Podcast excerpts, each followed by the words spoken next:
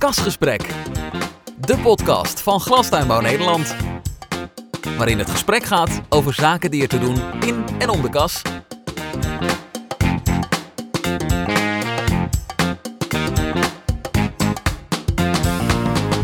Kasgesprek.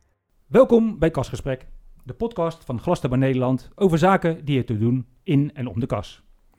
Na een onderbreking vanwege de coronamaatregelen pakken we onze podcastserie deze maand weer op. Die focus ligt dit keer primair om de kas. Thema van dit gesprek is water, het onderwerp kwaliteit van het oppervlaktewater. Mijn naam is Roosje Abbenhuis en ik ga proberen om het gesprek met twee waterspecialisten in goede banen te leiden.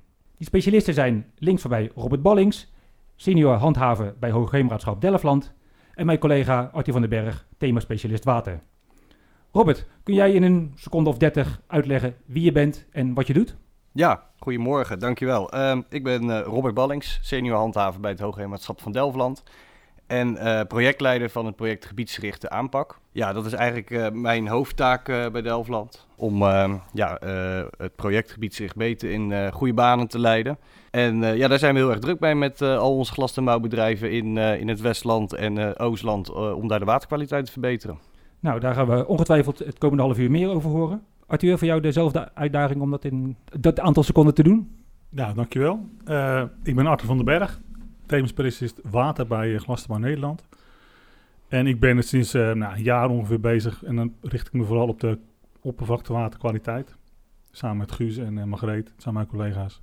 En ja, heeft hoop contact met waterschappen. Onder andere Robert. Oké, nou daar zal straks een nadruk op liggen, op het contact met, uh, met Delftland. Maar we willen straks ook wel even het beeld van jou horen van uh, hoe het nou landelijk eruit ziet. Maar dat is voor zometeen. Ja, we gaan het in dit gesprek hebben over de kwaliteit van het oppervlaktewater in en rond de glastuinbouwgebieden. Aan de orde komen zaken als wat is de huidige situatie? Hoe verhoudt zich dat tot pakweg tien jaar geleden? Welke stappen moeten er op korte termijn worden gezet? En door wie? En dat doen we in uh, drie blokken en we sluiten dit kastgesprek af met een column van Adrie Bom, voorzitter van Glastuinbouw Nederland. Kasgesprek, de podcast van Glastuinbouw Nederland. Arthur, om te beginnen, als we kijken naar de stand van zaken. Afgelopen weken hebben diverse waterschappen en hoogheemraadschappen en projecten hun waterkwaliteitsrapportages gepresenteerd, of hun monitoring. Kun jij aangeven hoe het nou gaat met de waterkwaliteit in de verschillende glastuinbouwgebieden? Uh, ja, dat kan. Uh, we hebben nog niet van alle waterschappen de resultaten binnen, de cijfers van het afgelopen jaar. We hebben wel de cijfers gezien van, uh, nou, meestal bekijken we het probeert per drie jaar, dat je toch een trend kan vaststellen. Hebben we de, de, cijfers wel gezien van de afgelopen drie jaar, tussen met 2017 en 2019. En dan zie je wel dat de waterkwaliteit verbetert. Die gaat, de, ja, wordt beter. En, en gaat vooral ook de kwaliteit zelf, maar ook een aantal normoverschrijdingen dat daalt.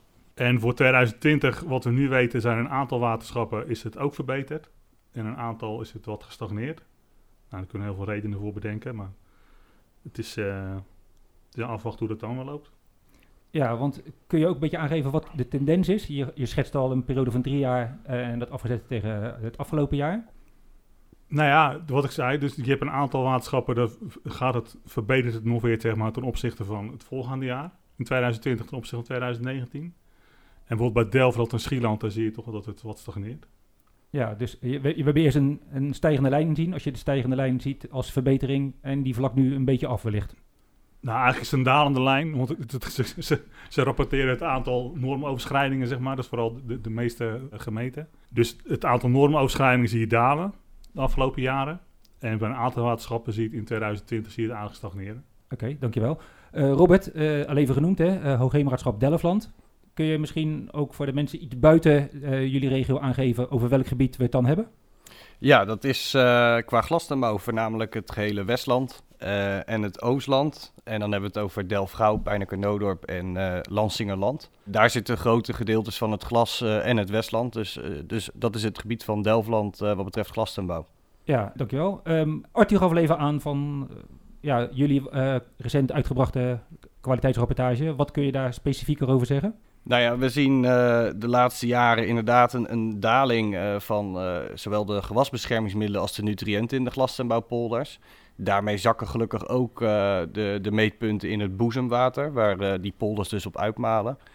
En dit jaar zien we inderdaad dat die daling uh, wat minder is, of eigenlijk inderdaad een beetje aan het afvlakken is. Ja, je kan niet gelijk zeggen dat het dan dit, dit jaar of vorig jaar is die rapportage dan, dat het dan heel slecht is gegaan. Want het zijn natuurlijk momentopnames, die metingen. Het zijn maar 12 metingen per jaar. Het kan net zijn dat die metingen op het verkeerde moment zijn. Dus we kijken toch ook een beetje naar de lange termijn hoe die daling zich voort blijft zetten. Maar ja, we moeten wel inderdaad opletten dat we... We zijn natuurlijk met gebiedsrichtmeten al een aantal jaar bezig. Dat de polders waar we inmiddels weg zijn dat we daar niet terug uh, gaan vallen qua waterkwaliteit. Daar moeten we wel scherp op blijven, ja. Kun je ook aangeven ja, waarom het zo belangrijk is dat die waterkwaliteit uh, verder verbetert? Als je kijkt naar het oppervlaktewater. Ja, uh, nou dat heeft meerdere redenen. kijken te veel aan nutriënten, dat geeft natuurlijk algebloei. en dat geeft weer allerlei andere problemen, ook voor de visstand. Gewasbeschermingsmiddelen zijn natuurlijk ook niet goed in het, in het oppervlaktewater. Uh, het water wordt ook gebruikt om te zwemmen, recreëren, dat soort zaken. Dus ja, schoon, gezond en levend water is, is heel belangrijk. En daar ja, hoort glastuinbouw natuurlijk ook bij. Want dat water in Delftland staat met alles in verbinding, inclusief de zwemwateren. Dus ja, dat, dat vertaalt zich door op alle, op alle waterlichamen uiteindelijk. Je noemde net al even de term um, gebiedsgerichte aanpak dat is een samenwerking tussen Delftland en uh, de glastuinbouw? Ja, dat is een samenwerking tussen uh, ja, Delftland dan met Glastuinbouw Nederland, de omgevingsdiensten, uh, de NVWA en ja, de glastuinders zelf natuurlijk en de gemeente. En heeft die samenwerking al voldoende opgeleverd de afgelopen jaren? Nou, zeker. Ik denk, uh, wij zijn inmiddels hebben we ruim uh, 50 of tot 70 procent van de, van de gebieden bezocht met deze manier van uh, toezicht. En we zien echt een duidelijke afname van het aantal gewasbeschermingsmiddelen en nutriënten in die glastuinbouwpolders waar we met dit project al zijn geweest. Als je dan kijkt naar de prestaties van de telers, hoe, be hoe beoordeel jij die zo van de afgelopen jaren? Um, ik denk dat er hele grote stappen zijn gezet. Als je kijkt waar we echt uh, 10, 20 jaar geleden vandaan kwamen qua waterkwaliteit. En je ziet waar we nu zitten. Uh, toen kwamen vroeger nog uit de tijd waarbij lozen op oppervlaktewater gewoon nog was toegestaan. En inmiddels is er zoveel geïnvesteerd in recirculeren, rioolaansluitingen, eigen uh, zuivering installaties. Dat we nu nog echt wel de puntjes op de i aan het zetten. En we het eigenlijk voornamelijk nog zoeken in, in lekkages of onbewuste lozingen of ja, nalatig in het onderhoud. Dat we het meer daarin aan het zoeken zijn dan dat we echt uh, uh, de bewuste kranen die open gaan, zoals we dat vroeger nog wel eens kenden, dat zien we gelukkig niet meer. Dus we zijn nog echt met, met de lekkages en de onbewuste lozingen nu bezig om die op te sporen en te beëindigen. Uh, maar als je echt kijkt waar we vandaan komen, dan zijn er echt enorme stappen gezet. Arthur, welke conclusies of welk beeld roept het op, die woorden van, van Robert, als jij kijkt naar je contact met, met ondernemers? Nou, dat herken ik wel, want ik denk wel dat je inderdaad grote stappen zijn gezet. En de laatste stappen zijn misschien ook wel het moeilijkst. Maar er komt wel ook wel aandacht voor inderdaad voor lekkages en dat soort dingen. Pas ook met een groep kwekers. Dat is een uh, onderzoek geweest van de, van de STOA. Dat heb gekeken wat nou er zijn de lekkages, de dingen uh, binnen de, de glastuinbouwbedrijven. Dan heb ik alles op een rijtje gezet en ook informatie gehad van glastuinbouw wordt de proefuitgever wat daarop staat. Ja, dan merk je toch dat die kwekers toch, ook al zijn er heel veel dingen misschien wel bekend, dat ze toch eens nadenken. En je, je merkt gewoon ook aan de discussie dat er best wel dingen zijn waar ze dan toch... Nou, je merkt gewoon als ze punten zien van... oh, dan moet ik toch bij mijn eigen bedrijf ook van naar kijken. En voor al die lekkages, ja, dat is wel... om die laatste stappen te zetten, is dat wel heel belangrijk. Oké, okay, dank jullie wel even voor deze uh, update uh, van uh, de huidige stand van zaken. Ik wil zo meteen even met jullie gaan kijken over ja, de handhaving, monitoring... en alles wat daar om, omheen speelt. Kasgesprek, de podcast van Glastuinbouw Nederland. Robert, als we kijken naar jullie werkzaamheden, hoe worden lozingen überhaupt geconstateerd? Nou, met de gebiedszichte aanpak, dan zoomen we natuurlijk heel erg in op de waterkwaliteit van één specifiek gebied. In het geval van een polder kunnen we duidelijk aanwijzen waar komt het water die polder in en waar, komt het water, waar gaat het water de polder uit. Nou, die meetpunten pakken we sowieso. Gaat het er viezer uit en dat het erin komt, dan weten we dat we moeten gaan zoeken in die polder. Vervolgens leggen we een heel uitgebreid meetpuntnet eigenlijk neer in die polder, waarbij we dus uh, wekelijks... Uh, EC- en nitraatmeters. Zodat we heel gericht in die polder weten waar het wel goed gaat en waar niet. Nou, naast die wekelijkse metingen die ons die informatie geven, hebben we sensoren in de sloot staan die 24 uur per dag meten. We hebben warmtebeeldcamera's, we hebben nitraatmeters waarbij we direct in het veld het nitraat kunnen meten. We hebben nog een bootje die met sensoren door het gebied kan varen. En uh, ja, we doen tegenwoordig ook uh, proeven met uh, e-DNA om, om, om te kijken of de DNA van plantresten in het oppervlaktewater zit. Ja, dus dat zijn uh, een aantal nieuwe technieken. Dus de manier van, van opsporing is de afgelopen tien jaar ook, heeft ook wel een vlucht gemaakt eigenlijk. Ja, zeker. Als je kijkt hoe we dat vroeger deden, hadden we eigenlijk alleen een EC-meter en zelfs daarvoor helemaal niks. En dan moest je het echt doen met de constateringen van je bedrijfscontrole en wat de ondernemer je vertelde. Ehm, en, en met het zicht. En eh, als je ergens aan twijfelde, moest een monster altijd opgestuurd worden naar het, naar, naar het lab. En dan duurde dan drie weken voordat je wat wist.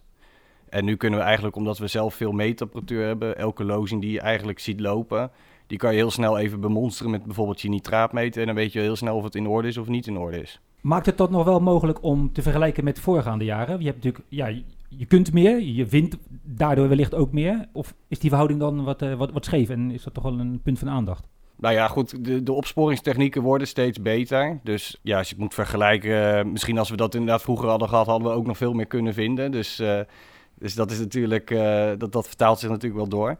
Maar ja, we, we, we geven er ook veel meer, we steken er veel meer energie en tijd en geld ook in op dit moment. Het is politiek heel belangrijk ook voor Delftland. Vandaar dat we er zoveel energie in steken en ook de bandkracht hebben om dit te doen. En nou ja, het werpt wel zijn vruchten af. Dus ja, het is niet helemaal te vergelijken hoe we dat vroeger deden inderdaad. Met die andere, toen hadden we niet alle middelen en tijd die we nu hebben. Maar ik ben wel blij dat we, dat we het wel hebben en dat het zo belangrijk gevonden wordt. Arthur? Nou, ik vroeg, jij zei het over uh, die DNA-techniek en zo. Ik begreep dat nu bij jullie in het gebied is tomaat en paprika uit mijn hoofd. Klopt. Las ik ergens. Nou hoorde ik pas ook bij een ander waterschap, die doen het ook. Maar ik vroeg me af, hebben jullie nou als waterschappen onderling ook contact dat je zulke soort ontwikkelingen deelt, daar samen in optrekt, of ontwikkelt samen? Of... Ja, we hebben nog met een ander waterschap inderdaad ook contact uh, daarover. Want een collega van mij die trekt dit project eigenlijk. Maar uh, uh, wij zijn inderdaad begonnen met, met primers te ontwikkelen, dus voor paprika en tomaat. Dus DNA-techniek opsporen, dan moet je eigenlijk eerst zeg maar, een goede database opbouwen met, met de DNA. Um, ja, hoe noem je dat? de, de code eigenlijk, die bouw je op. En uh, ander waterschap is daar ook mee bezig. We proberen dat inderdaad uit te wisselen en, en, en, samen te voegen. En een vervolgstap is om meer soorten toe te voegen. En dan kunnen we natuurlijk ook uh, bij het andere waterschap uh, samenwerken daarin. Ja. Ja, nou lijkt me helemaal goed. Ja, want het is specifiek, zoals Arthur al noemt, voor tomaat en paprika. Dat is een kwestie van, van relatief korte tijd om ook andere gewassen daaraan toe te voegen. Klopt, we wilden eerst kijken of, we, of het überhaupt werkte. En uh, nou, degene met het bedrijf waar we mee samenwerkten, die zei nou paprika en tomaat heeft sowieso de grootste slagingskans, denken we. Uh, dus dat hebben we eerst ontwikkeld en, en die proef is gelukt. We kunnen inderdaad in het drainwater van een bedrijf die dus tomaat of paprika teelt, dat DNA aantreffen. En de gedachtegang daarachter is natuurlijk, mocht er toch nog een lozing of een lekkage zijn naar de sloot en we kunnen geen herkomst vinden, dan kunnen we met het monster uit het oppervlaktewater eventueel bepalen of het dan een tomaat of een paprika bedrijf zou zijn. Nou ja, goed. Er zitten natuurlijk veel meer bedrijven, veel meer teelt uh, in ons gebied. Dus de, het voornemen is inderdaad om uh, uh, die primers uit te breiden, dus die database uit te breiden. Dus ook komkommer zal een logische vervolgstap zijn. En daarna willen we ook gaan kijken of het ook met de sierteelt mogelijk is. Durf je daar ook een tijdspad aan te hangen? Of is dat, uh, nou, we willen uh, dit jaar in ieder geval uh, die database verder gaan uitbreiden. En dan willen we het denk ik volgend jaar ook echt gaan inzetten als, als opsporingstechniek. Maar we willen dat eigenlijk alleen gebruiken in de gevallen waarbij we er dus echt niet uitkomen. dus, dus wij komen bijvoorbeeld heel vaak, meten we met onze nitraatmeter in het oppervlaktewater wel een hoog nitraatgehalte. Nou, dan gaan we natuurlijk sporen uh, waar is het hoogste nitraatgehalte. Als dat dan en we zien dan geen lozing of wat dan ook, dan houdt dat spoor op. Dan proberen we altijd eerst nog uh, met gewasbeschermingsmiddelen monsters te kijken of we een match kunnen maken met een bedrijf. Uh, en als dat dus ook niks oplevert, dan is DNA eigenlijk onze vervolgstap. en warmtebeeldcamera's natuurlijk, dat soort zaken ook. Maar je krijgt natuurlijk nooit 100% uitsluitsel dat het ook dat bedrijf is die eventueel iets lekt. Omdat er zoveel bedrijven aan dat ene slootje gekoppeld zitten. Want alles staat met elkaar verbonden. Als je natuurlijk een uh, lege polder zou hebben met één glastenbouwbedrijf erin, dan maakt dat het makkelijk. Of twee, een paprika en tomatenteler. Maar als je natuurlijk uh, 1500 bedrijven bijna in je gebied hebt zitten en dat water is allemaal met elkaar verbonden, dan moet je altijd nog nader onderzoek doen om te kijken wie het dan ook echt is. Maar het helpt wel met je zoekgebied verkleinen. Arthur, en ik kan me voorstellen dat, uh, zeker op het gebied van monitoring en de werkwijze van uh, in dit geval het Hoogheemraadschap, dat jij daar ook wel veel contact hebt met, uh, zoals je begin al aangaf, met waterschap. Kun je dat wat, wat specificeren? Nou ja, in het geval van Delftland en Schieland hebben we elk kwartaal bespreken we zeg maar de, de, de, cijfers van de gewasbeschermingsmiddelen die gevonden hebben. En dan kijken we vooral naar degene die, die het meeste overschrijding hebben, die bespreken we dan. En proberen we wel te kijken, ja, komt het dan vandaan?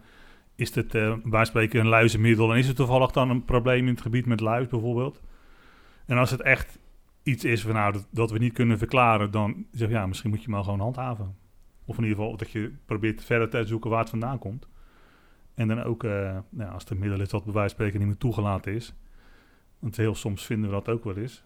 Misschien het vindt het waterschap vindt het, vindt het dan en komt het tijdens het overleg komt het boven tafel. Ja, als het echt een niet toegelaten middel is, ja, dan moeten er gewoon consequenties aan hangen. En is die uitwisseling van kennis en die samenwerking, is dat nog anders als het een gebiedsgerichte aanpak betreft of dat het uh, een waterschap in zijn uh, totaliteit is? Het is, wel, ja, het is meer een vervolg vanuit de emissieloze kast, het project. Met Schieland en Delftland en dan ook de gemeentes in het Westland en het Oostland. En van daaruit zitten we zeg maar, elk kwartaal aan tafel om de, de cijfers te bespreken. En de gebiedsgerichte aanpak is ook echt een, dat het waterschap uh, een bepaald gebied, een polder of iets, nou ja, wat, wat Robert al zei, je wat, wat kunnen meten wat er in en uitkomt. Uh, dat, die, uh, die polder of dat gebied gaan ze dan gewoon extra aandacht geven. En dat zie je ook bij steeds meer waterschappen ook gebeuren. Bij Rijn, Rijnland gaan we met een gebied beginnen. Zuid-Zeeland is al een aantal gebieden bezig. En dan zitten ook wel om tafel om te kijken, ook contact leggen met de kwekers. De waterschap doet meestal de, de, de metingen. In het geval van Delftland, die nodigt ook zelf zeg maar, de, de polder uit het gebied uit. doen we ook wel vaak samen. En bij Zuid-Zeeland gaat het ook via de regio-coördinatoren van Glastermar Nederland. Die hebben ook een rol in om dan die kwekers bij elkaar te halen. En uiteindelijk dan een keer die resultaten te bespreken. En ook ja, wat gaan we eraan doen om het te verbeteren. Robert, uh, dus je gaf aan, hè, dus uh, de techniek heb je even beschreven van die jullie hanteren. Dan constateer je iets, maar achter een bepaalde overschrijding zit ook de wens om daar een, ja, noem maar even een dader, in ieder geval een, een uh, bedrijf wellicht aan te koppelen. Hoe gaat dat in zijn werk? Ja, nou ja, goed, dat is dus de grootste uitdaging inderdaad. Hè, omdat we dus nu de puntjes op de i aan het zetten zijn en eigenlijk nog op zoek zijn naar die laatste lekstromen, lekkages of onbewuste lozingen of overstortjes. Dus hebben we vaak wel goed inzichtelijk waar in het oppervlaktewater het nog knelt. Hè? Waar zien we de hoogste normoverschrijdingen en waar zien we de hoogste nutriëntenwaardes. Alleen de uitdaging voor ons is om dan inderdaad daar nog een bijbehorende emissiebron aan te koppelen. Zien we een lozing of mm, een lekkage of wat dan ook. Nou, als we dat dan dat vinden, dan gaan we natuurlijk het gesprek met die ondernemer aan. En we hebben het zo ingestoken dat we bij gebiedsricht meten op het moment dat we daar voor het eerste keer komen, hè, het bedrijf bezoeken, we inventariseren dat we zien wat, dan zijn we heel erg oplossingsgericht. Dus dan krijgt een ondernemer gewoon de tijd om dat te herstellen. Uh, we adviseren daar ook in hoe je dat het beste kan doen. We geven tips en tricks mee. Maar zijn we al klaar met zo'n polder en we komen daarna na een jaar of hij zit in de nazorgfase of we komen daar later terug en we zien toch nog weer wel zoiets gebeuren, dan zijn we wel streng en dan gaan we wel handhaven. Want anders blijven we achter de feiten aanlopen. Dus in het begin zijn we heel oplossingsgericht. Hè, denken we mee en, en zoeken we naar een passende oplossing. En dan, dan valt het nog mee. Maar ja, we zien toch als we terugkomen in een polder waar we eigenlijk klaar zijn, dan moet het ook gewoon afgelopen zijn. Dan hebben we met zijn ondernemer alles geïnventariseerd. We hebben er heel veel tijd en energie ingestoken. We hebben inderdaad die informatieavonden georganiseerd, die resultaatavonden. En, uh, ja, en dan is het wel tijd om ook een keer die rotte appels te uithalen. Als ze dan nog heel bewust zou worden geloosd of wat dan ook, dan, dan, ja, dan treden we wel handhavend op. Arthur, hoe, uh, ja, hoe ervaar jij dat? Want uh, ja, jullie hebben regelmatig contact. En, dan kan het zijn om gewoon wat resultaten misschien door te nemen. Maar dat kan dus ook een melding zijn van... joh, we hebben nu toch wel een uh, probleem gevonden. Wat is dan jouw taak of taak van jou en je collega's? Kijk, handhaven, dat is natuurlijk iets van het waterschap en de omgevingsdienst, denk ik. Wat wij proberen te doen is wel de, de met dan de kwekers ook in gesprek gaan. En soms vinden we ook niet een duidelijke bron ja, dan proberen we toch in gezamenlijkheid en met de waterschappen bij spreken dan uh, die straat of het langs iedereen die op de sloot uitkomt of de polder dan uit te nodigen of extra communicatie. Veel let op, uh, nou ja, uiteindelijk, ik weet een paar jaar geleden, toen was het op een gegeven moment, hebben ze ergens een middel gevonden, dat was terug te leiden naar, in het gebied naar een aantal rozenkwekers, maar niet, wisten niet wie. Dus uiteindelijk hebben we toen gewoon vanuit het waterschap en glas van Nederland alle rozenkwekers aangesproken. Joh, let op, dit vinden we terug dat kan niet, dus dat hè, normoverschrijdend. Dus let op wat je doet. En voor mij uiteindelijk is het toen ook nou ja, niet meer gebeurd, zeg maar. Dus dan zit het, onze rolstel denk ik vooral wel de communicatie en ook de, het contact leggen tussen, zeg maar. Zijn dat incidentele gevallen op jaarbasis? Gelukkig wel. Okay. Ja. Nee, nou goed, dat is dat in ieder geval mooi om uh, te constateren. Dat je daar niet een, een, eh, wekelijkse taak uh, in hebt. En maar daarnaast ook, want er zit ook wel met het, het, de waterschap om tafel. Maar ik heb pas ook een gesprek gehad met de fabrikant over een bepaald middel wat net uit nou, twee of drie jaar op de markt is. Maar het werd al wel een aantal keer normoverschrijdend teruggevonden.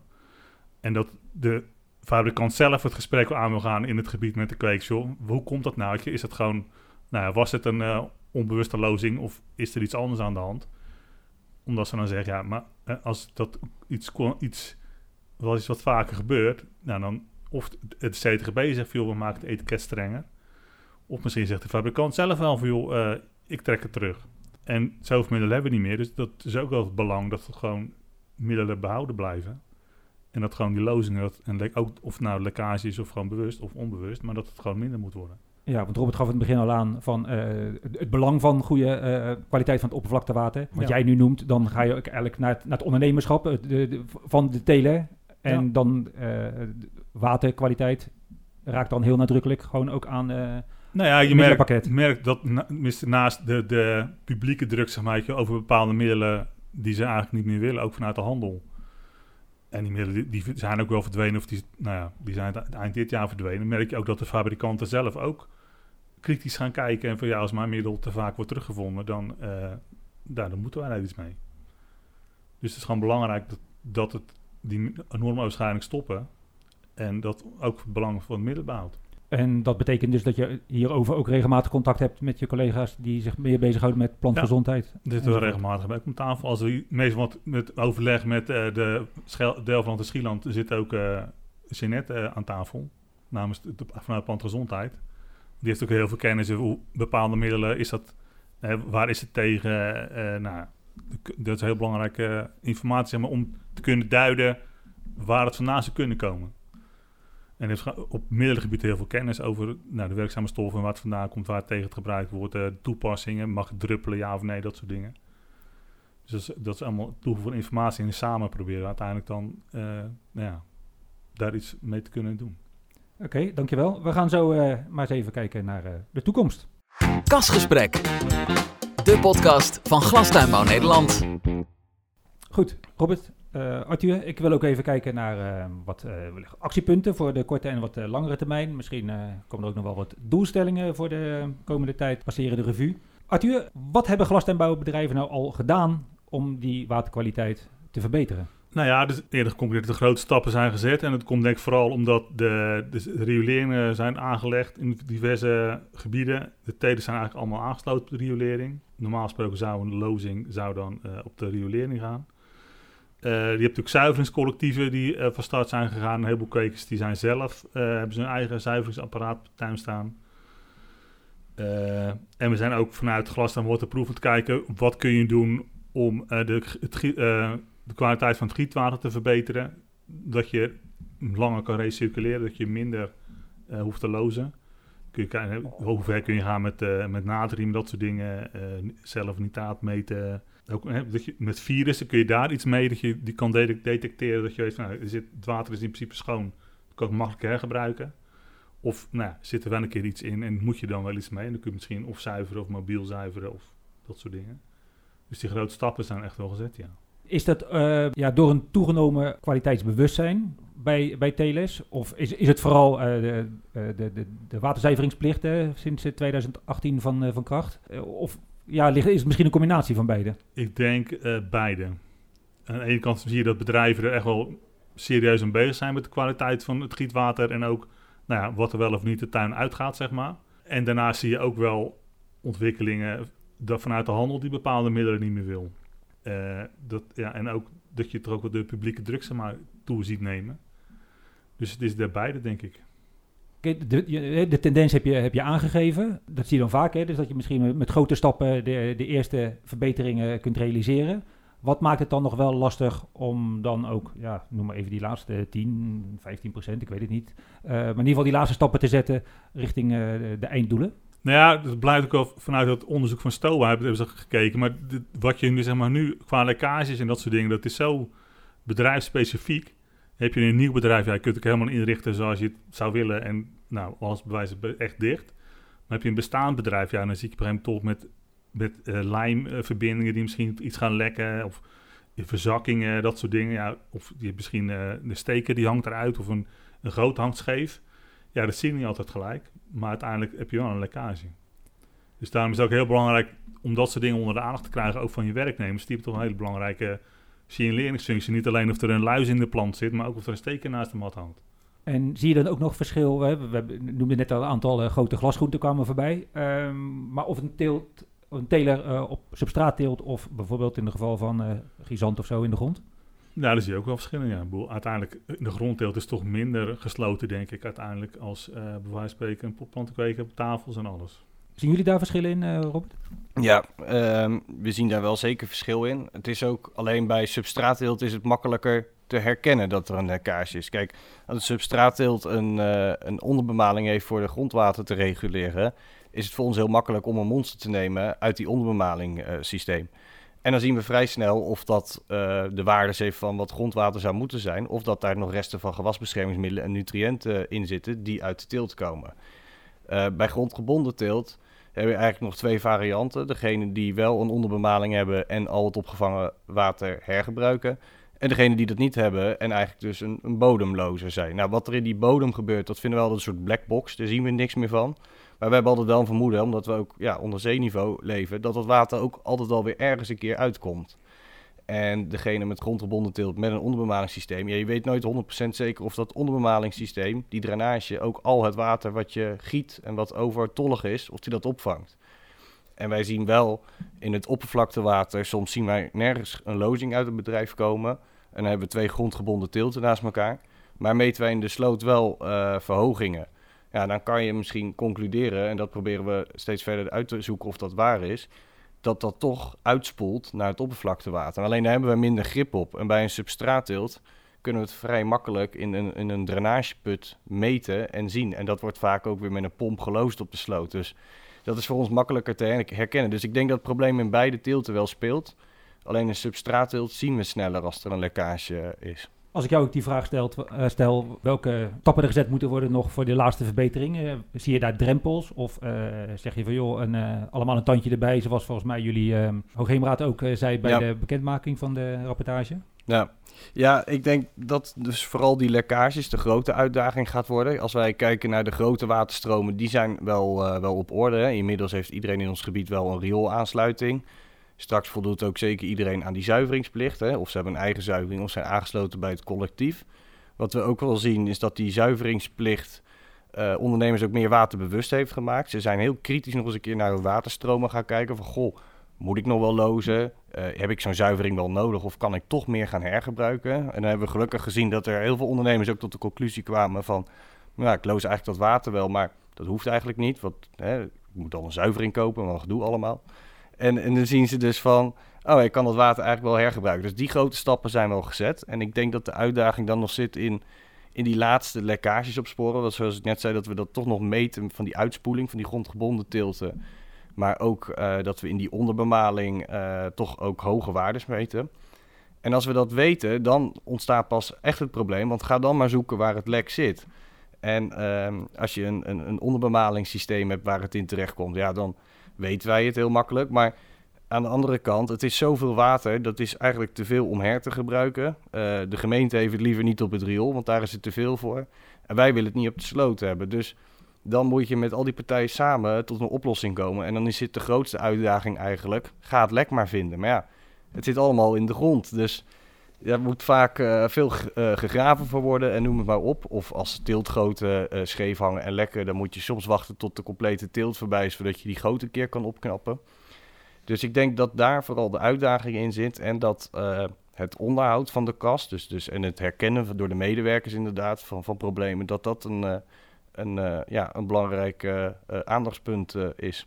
Zijn er ook nog ontwikkelingen dat een teler ook zelf bepaalde metingen kan doen? Misschien als onderdeel van dat, kwaliteits, dat waterkwaliteitsbewustzijn? Eh, ja, zou zeker kunnen. Kijk, als eh, een ondernemer natuurlijk zelf eh, in het geval van een onderbemalingsput zelf daar een EC of een nitraatwaarde kan meten, kan hij zelf snel herkennen dat hij daar een, een lekkage heeft. Maar voor grondgebonden teelten wordt dat dus alweer wat moeilijker, omdat je daar dus op een of andere manier zelf moet gaan meten eh, of jouw eh teeltgerelateerde water uitspoelt naar de sloot. En dan zou je bij wijze van spreken bijna pijlbuizen moeten slaan om het grondwater eh, te monitoren. Dus dat is wel iets complexer. Maar ja, goed, we, we zijn wel aan het kijken of we dat misschien inderdaad vorm kunnen geven in de toekomst. Nou, het is een mooi bruggetje. Je noemt al de toekomst. Er liggen natuurlijk ook nog wat hele strakke doelstellingen richting 2027 als onderdeel van de Europese kaderrichtlijn water. Misschien de vraag aan allebei. Robert, mag jij beginnen? Gaan we die doelen halen? Ja, dat is een eh, moeilijke vraag eh, gelijk. Ja, ik, ik denk, ehm, ik weet het niet, maar ik denk wel dat we de goede, de goede kant op gaan. Als we zien, eh, als we ook kijken naar onze waterkwaliteitsrapportage en de, en de prestatieindicatoren die we daar hebben uitgezet, dan volgen we op de lange termijn nog steeds de trend wel naar beneden. Dus wat dat betreft qua oppervlaktewater denk ik dat we er wel gaan komen. Er wordt natuurlijk geschetst in 2027 moet de kast nagenoeg emissieloos zijn. Het woordje nagenoeg moeten we misschien nog nader omschrijven wat dan nagenoeg is. Hè? Eh, want als je dan een zuivering hebt die straks ook nutriënten zuivert, is dat dan ook helemaal emissieloos? Of laat je dan een zuivering het werk doen? Dus die definitie moet volgens mij nog helemaal goed omschreven worden. Ehm, maar ik denk dat voor de meeste teelten eh, een compleet gesloten zijn en emissieloos eh, haalbaar is. Er zijn natuurlijk een aantal teelten die toch met natriumgehalte zitten, met recirculeren, of die heel gevoelig zijn voor virussen. Waarbij de techniek misschien toch nog iets verder moet ontwikkeld worden om dat eh, te halen. Maar goed, we hebben nog eh, een aantal jaar voordat het 2027 is. Dus eh, in ieder geval hoopvol. Deel jij die hoop, Arthur? Zie jij al dat telers ook wel of investeringen of initiatieven nemen richting dat jaartal? Of is het toch nog even van, joh, dat duurt nog wel een aantal jaren? Nee, je ziet wel ontwikkelingen. Dit, dat, de kleine stapjes die worden ook wel eh, gezet. En ze snappen ook wel dat die gezet moeten worden. En je ziet ook wel ontwikkelingen dat, dat van spreken bepaalde middelen toevoegen om eh, virussen neer te laten slaan. Dat soort dingen die je ook uit het water kan halen. Die technieken zijn ook in ontwikkeling. Dus uiteindelijk denk ik, het is, nou, de laatste stappen zijn nou, het, het lastigst, denk ik. Maar ik denk wel dat we gezien ontwikkelingen en ook de, de, de mindset bij de kwekers, dat, die zien echt wat belang ervan. In ieder geval het eh, overgrote deel, dan heb ik toch wel goede hoop dat we het gaan halen. Nou, daar, eh, waarvan akte? Daar ga ik jullie over een paar jaar no- wellicht nog een keer mee eh, confronteren. Vraag het maar na in 2028. Robert, Arthur, bedankt voor jullie bijdrage. Wat mij betreft, luisteraars, bedankt voor het aanhoren van deze editie van Kasgesprek. We zijn nog niet helemaal klaar, want ter afsluiting gaan we luisteren naar de column van Adrie Boom-Lemstra, voorzitter van Glastuinbouw Nederland. En wat mij betreft, tot een volgend Kasgesprek. Kasgesprek. De podcast van Glastuinbouw Nederland. De waterkwaliteit in diverse glastuinbouwgebieden is in 2020 min of meer gelijk gebleven. Dat blijkt uit rapportages van de Hoogheemraadschappen van Delfland en Schieland en de Krimpende Waard. Maar ook uit monitoring in glastuinbouwgebieden in het noordoosten van het land. Dat betekent dat alle partijen die invloed hebben op de waterkwaliteit fors meer moeten doen om verbetering te bewerkstelligen. Zo luidt de boodschap. Waterschappen werken samen met onder meer Glastuinbouw Nederland en de gemeente aan het terugdringen van lozingen en lekkages van gewasbeschermingsmiddelen en nutriënten. Glastuinbouwbedrijven hebben zelf al veel gedaan om de emissie te beperken en hebben daar ook in geïnvesteerd. Daarnaast is er veel tijd en energie gestoken in de gebiedsgerichte aanpak. Dat heeft mooie verbeteringen teweeggebracht in de glastuinbouwpolders. Minder lozingen en meer waterbewuste ondernemers. Dat was het beeld over de periode 2014 tot 2019. Maar hoe beoordelen we de tendens van de laatste jaren als we ook de resultaten van 2020 nu meenemen? Natuurlijk, het is een signaal dat we serieus moeten nemen. Alertheid is geboden. Een tandje erbij dus, want wij hebben hier als sector een verantwoordelijkheid in. Als Glastuinbaar Nederland zullen we nog meer inzetten op het vergroten van de bewustwording bij de tuinders en het stimuleren van een beter watermanagement. Maar het ligt niet alleen op het bordje van de sector. Telers hebben behoefte aan een gerichtere handhaving, door handhavers met voldoende kennis van zaken. Ondernemers die het goed doen, moeten kunnen vertrouwen op een handhaving die de minder presterende bedrijven eruit kan pikken. Dat gebeurt nu te weinig en het is onvoldoende zichtbaar voor de bedrijven die wel goed bezig zijn. Telers die met hun lozing bewust de wet overtreden, mogen wat ons betreft streng worden aangepakt. Sommige waterschappen zetten inmiddels innovatieve manieren van opsporing in. Maar ook als ondernemers moeten we elkaar durven aanspreken. Verbetering van de kwaliteit van het oppervlaktewater is een gezamenlijke uitdaging voor sector en overheden. Als we er allemaal een tandje bij zetten, moeten we met elkaar het doel kunnen bereiken. Kasgesprek. De podcast van Glastuinbouw Nederland.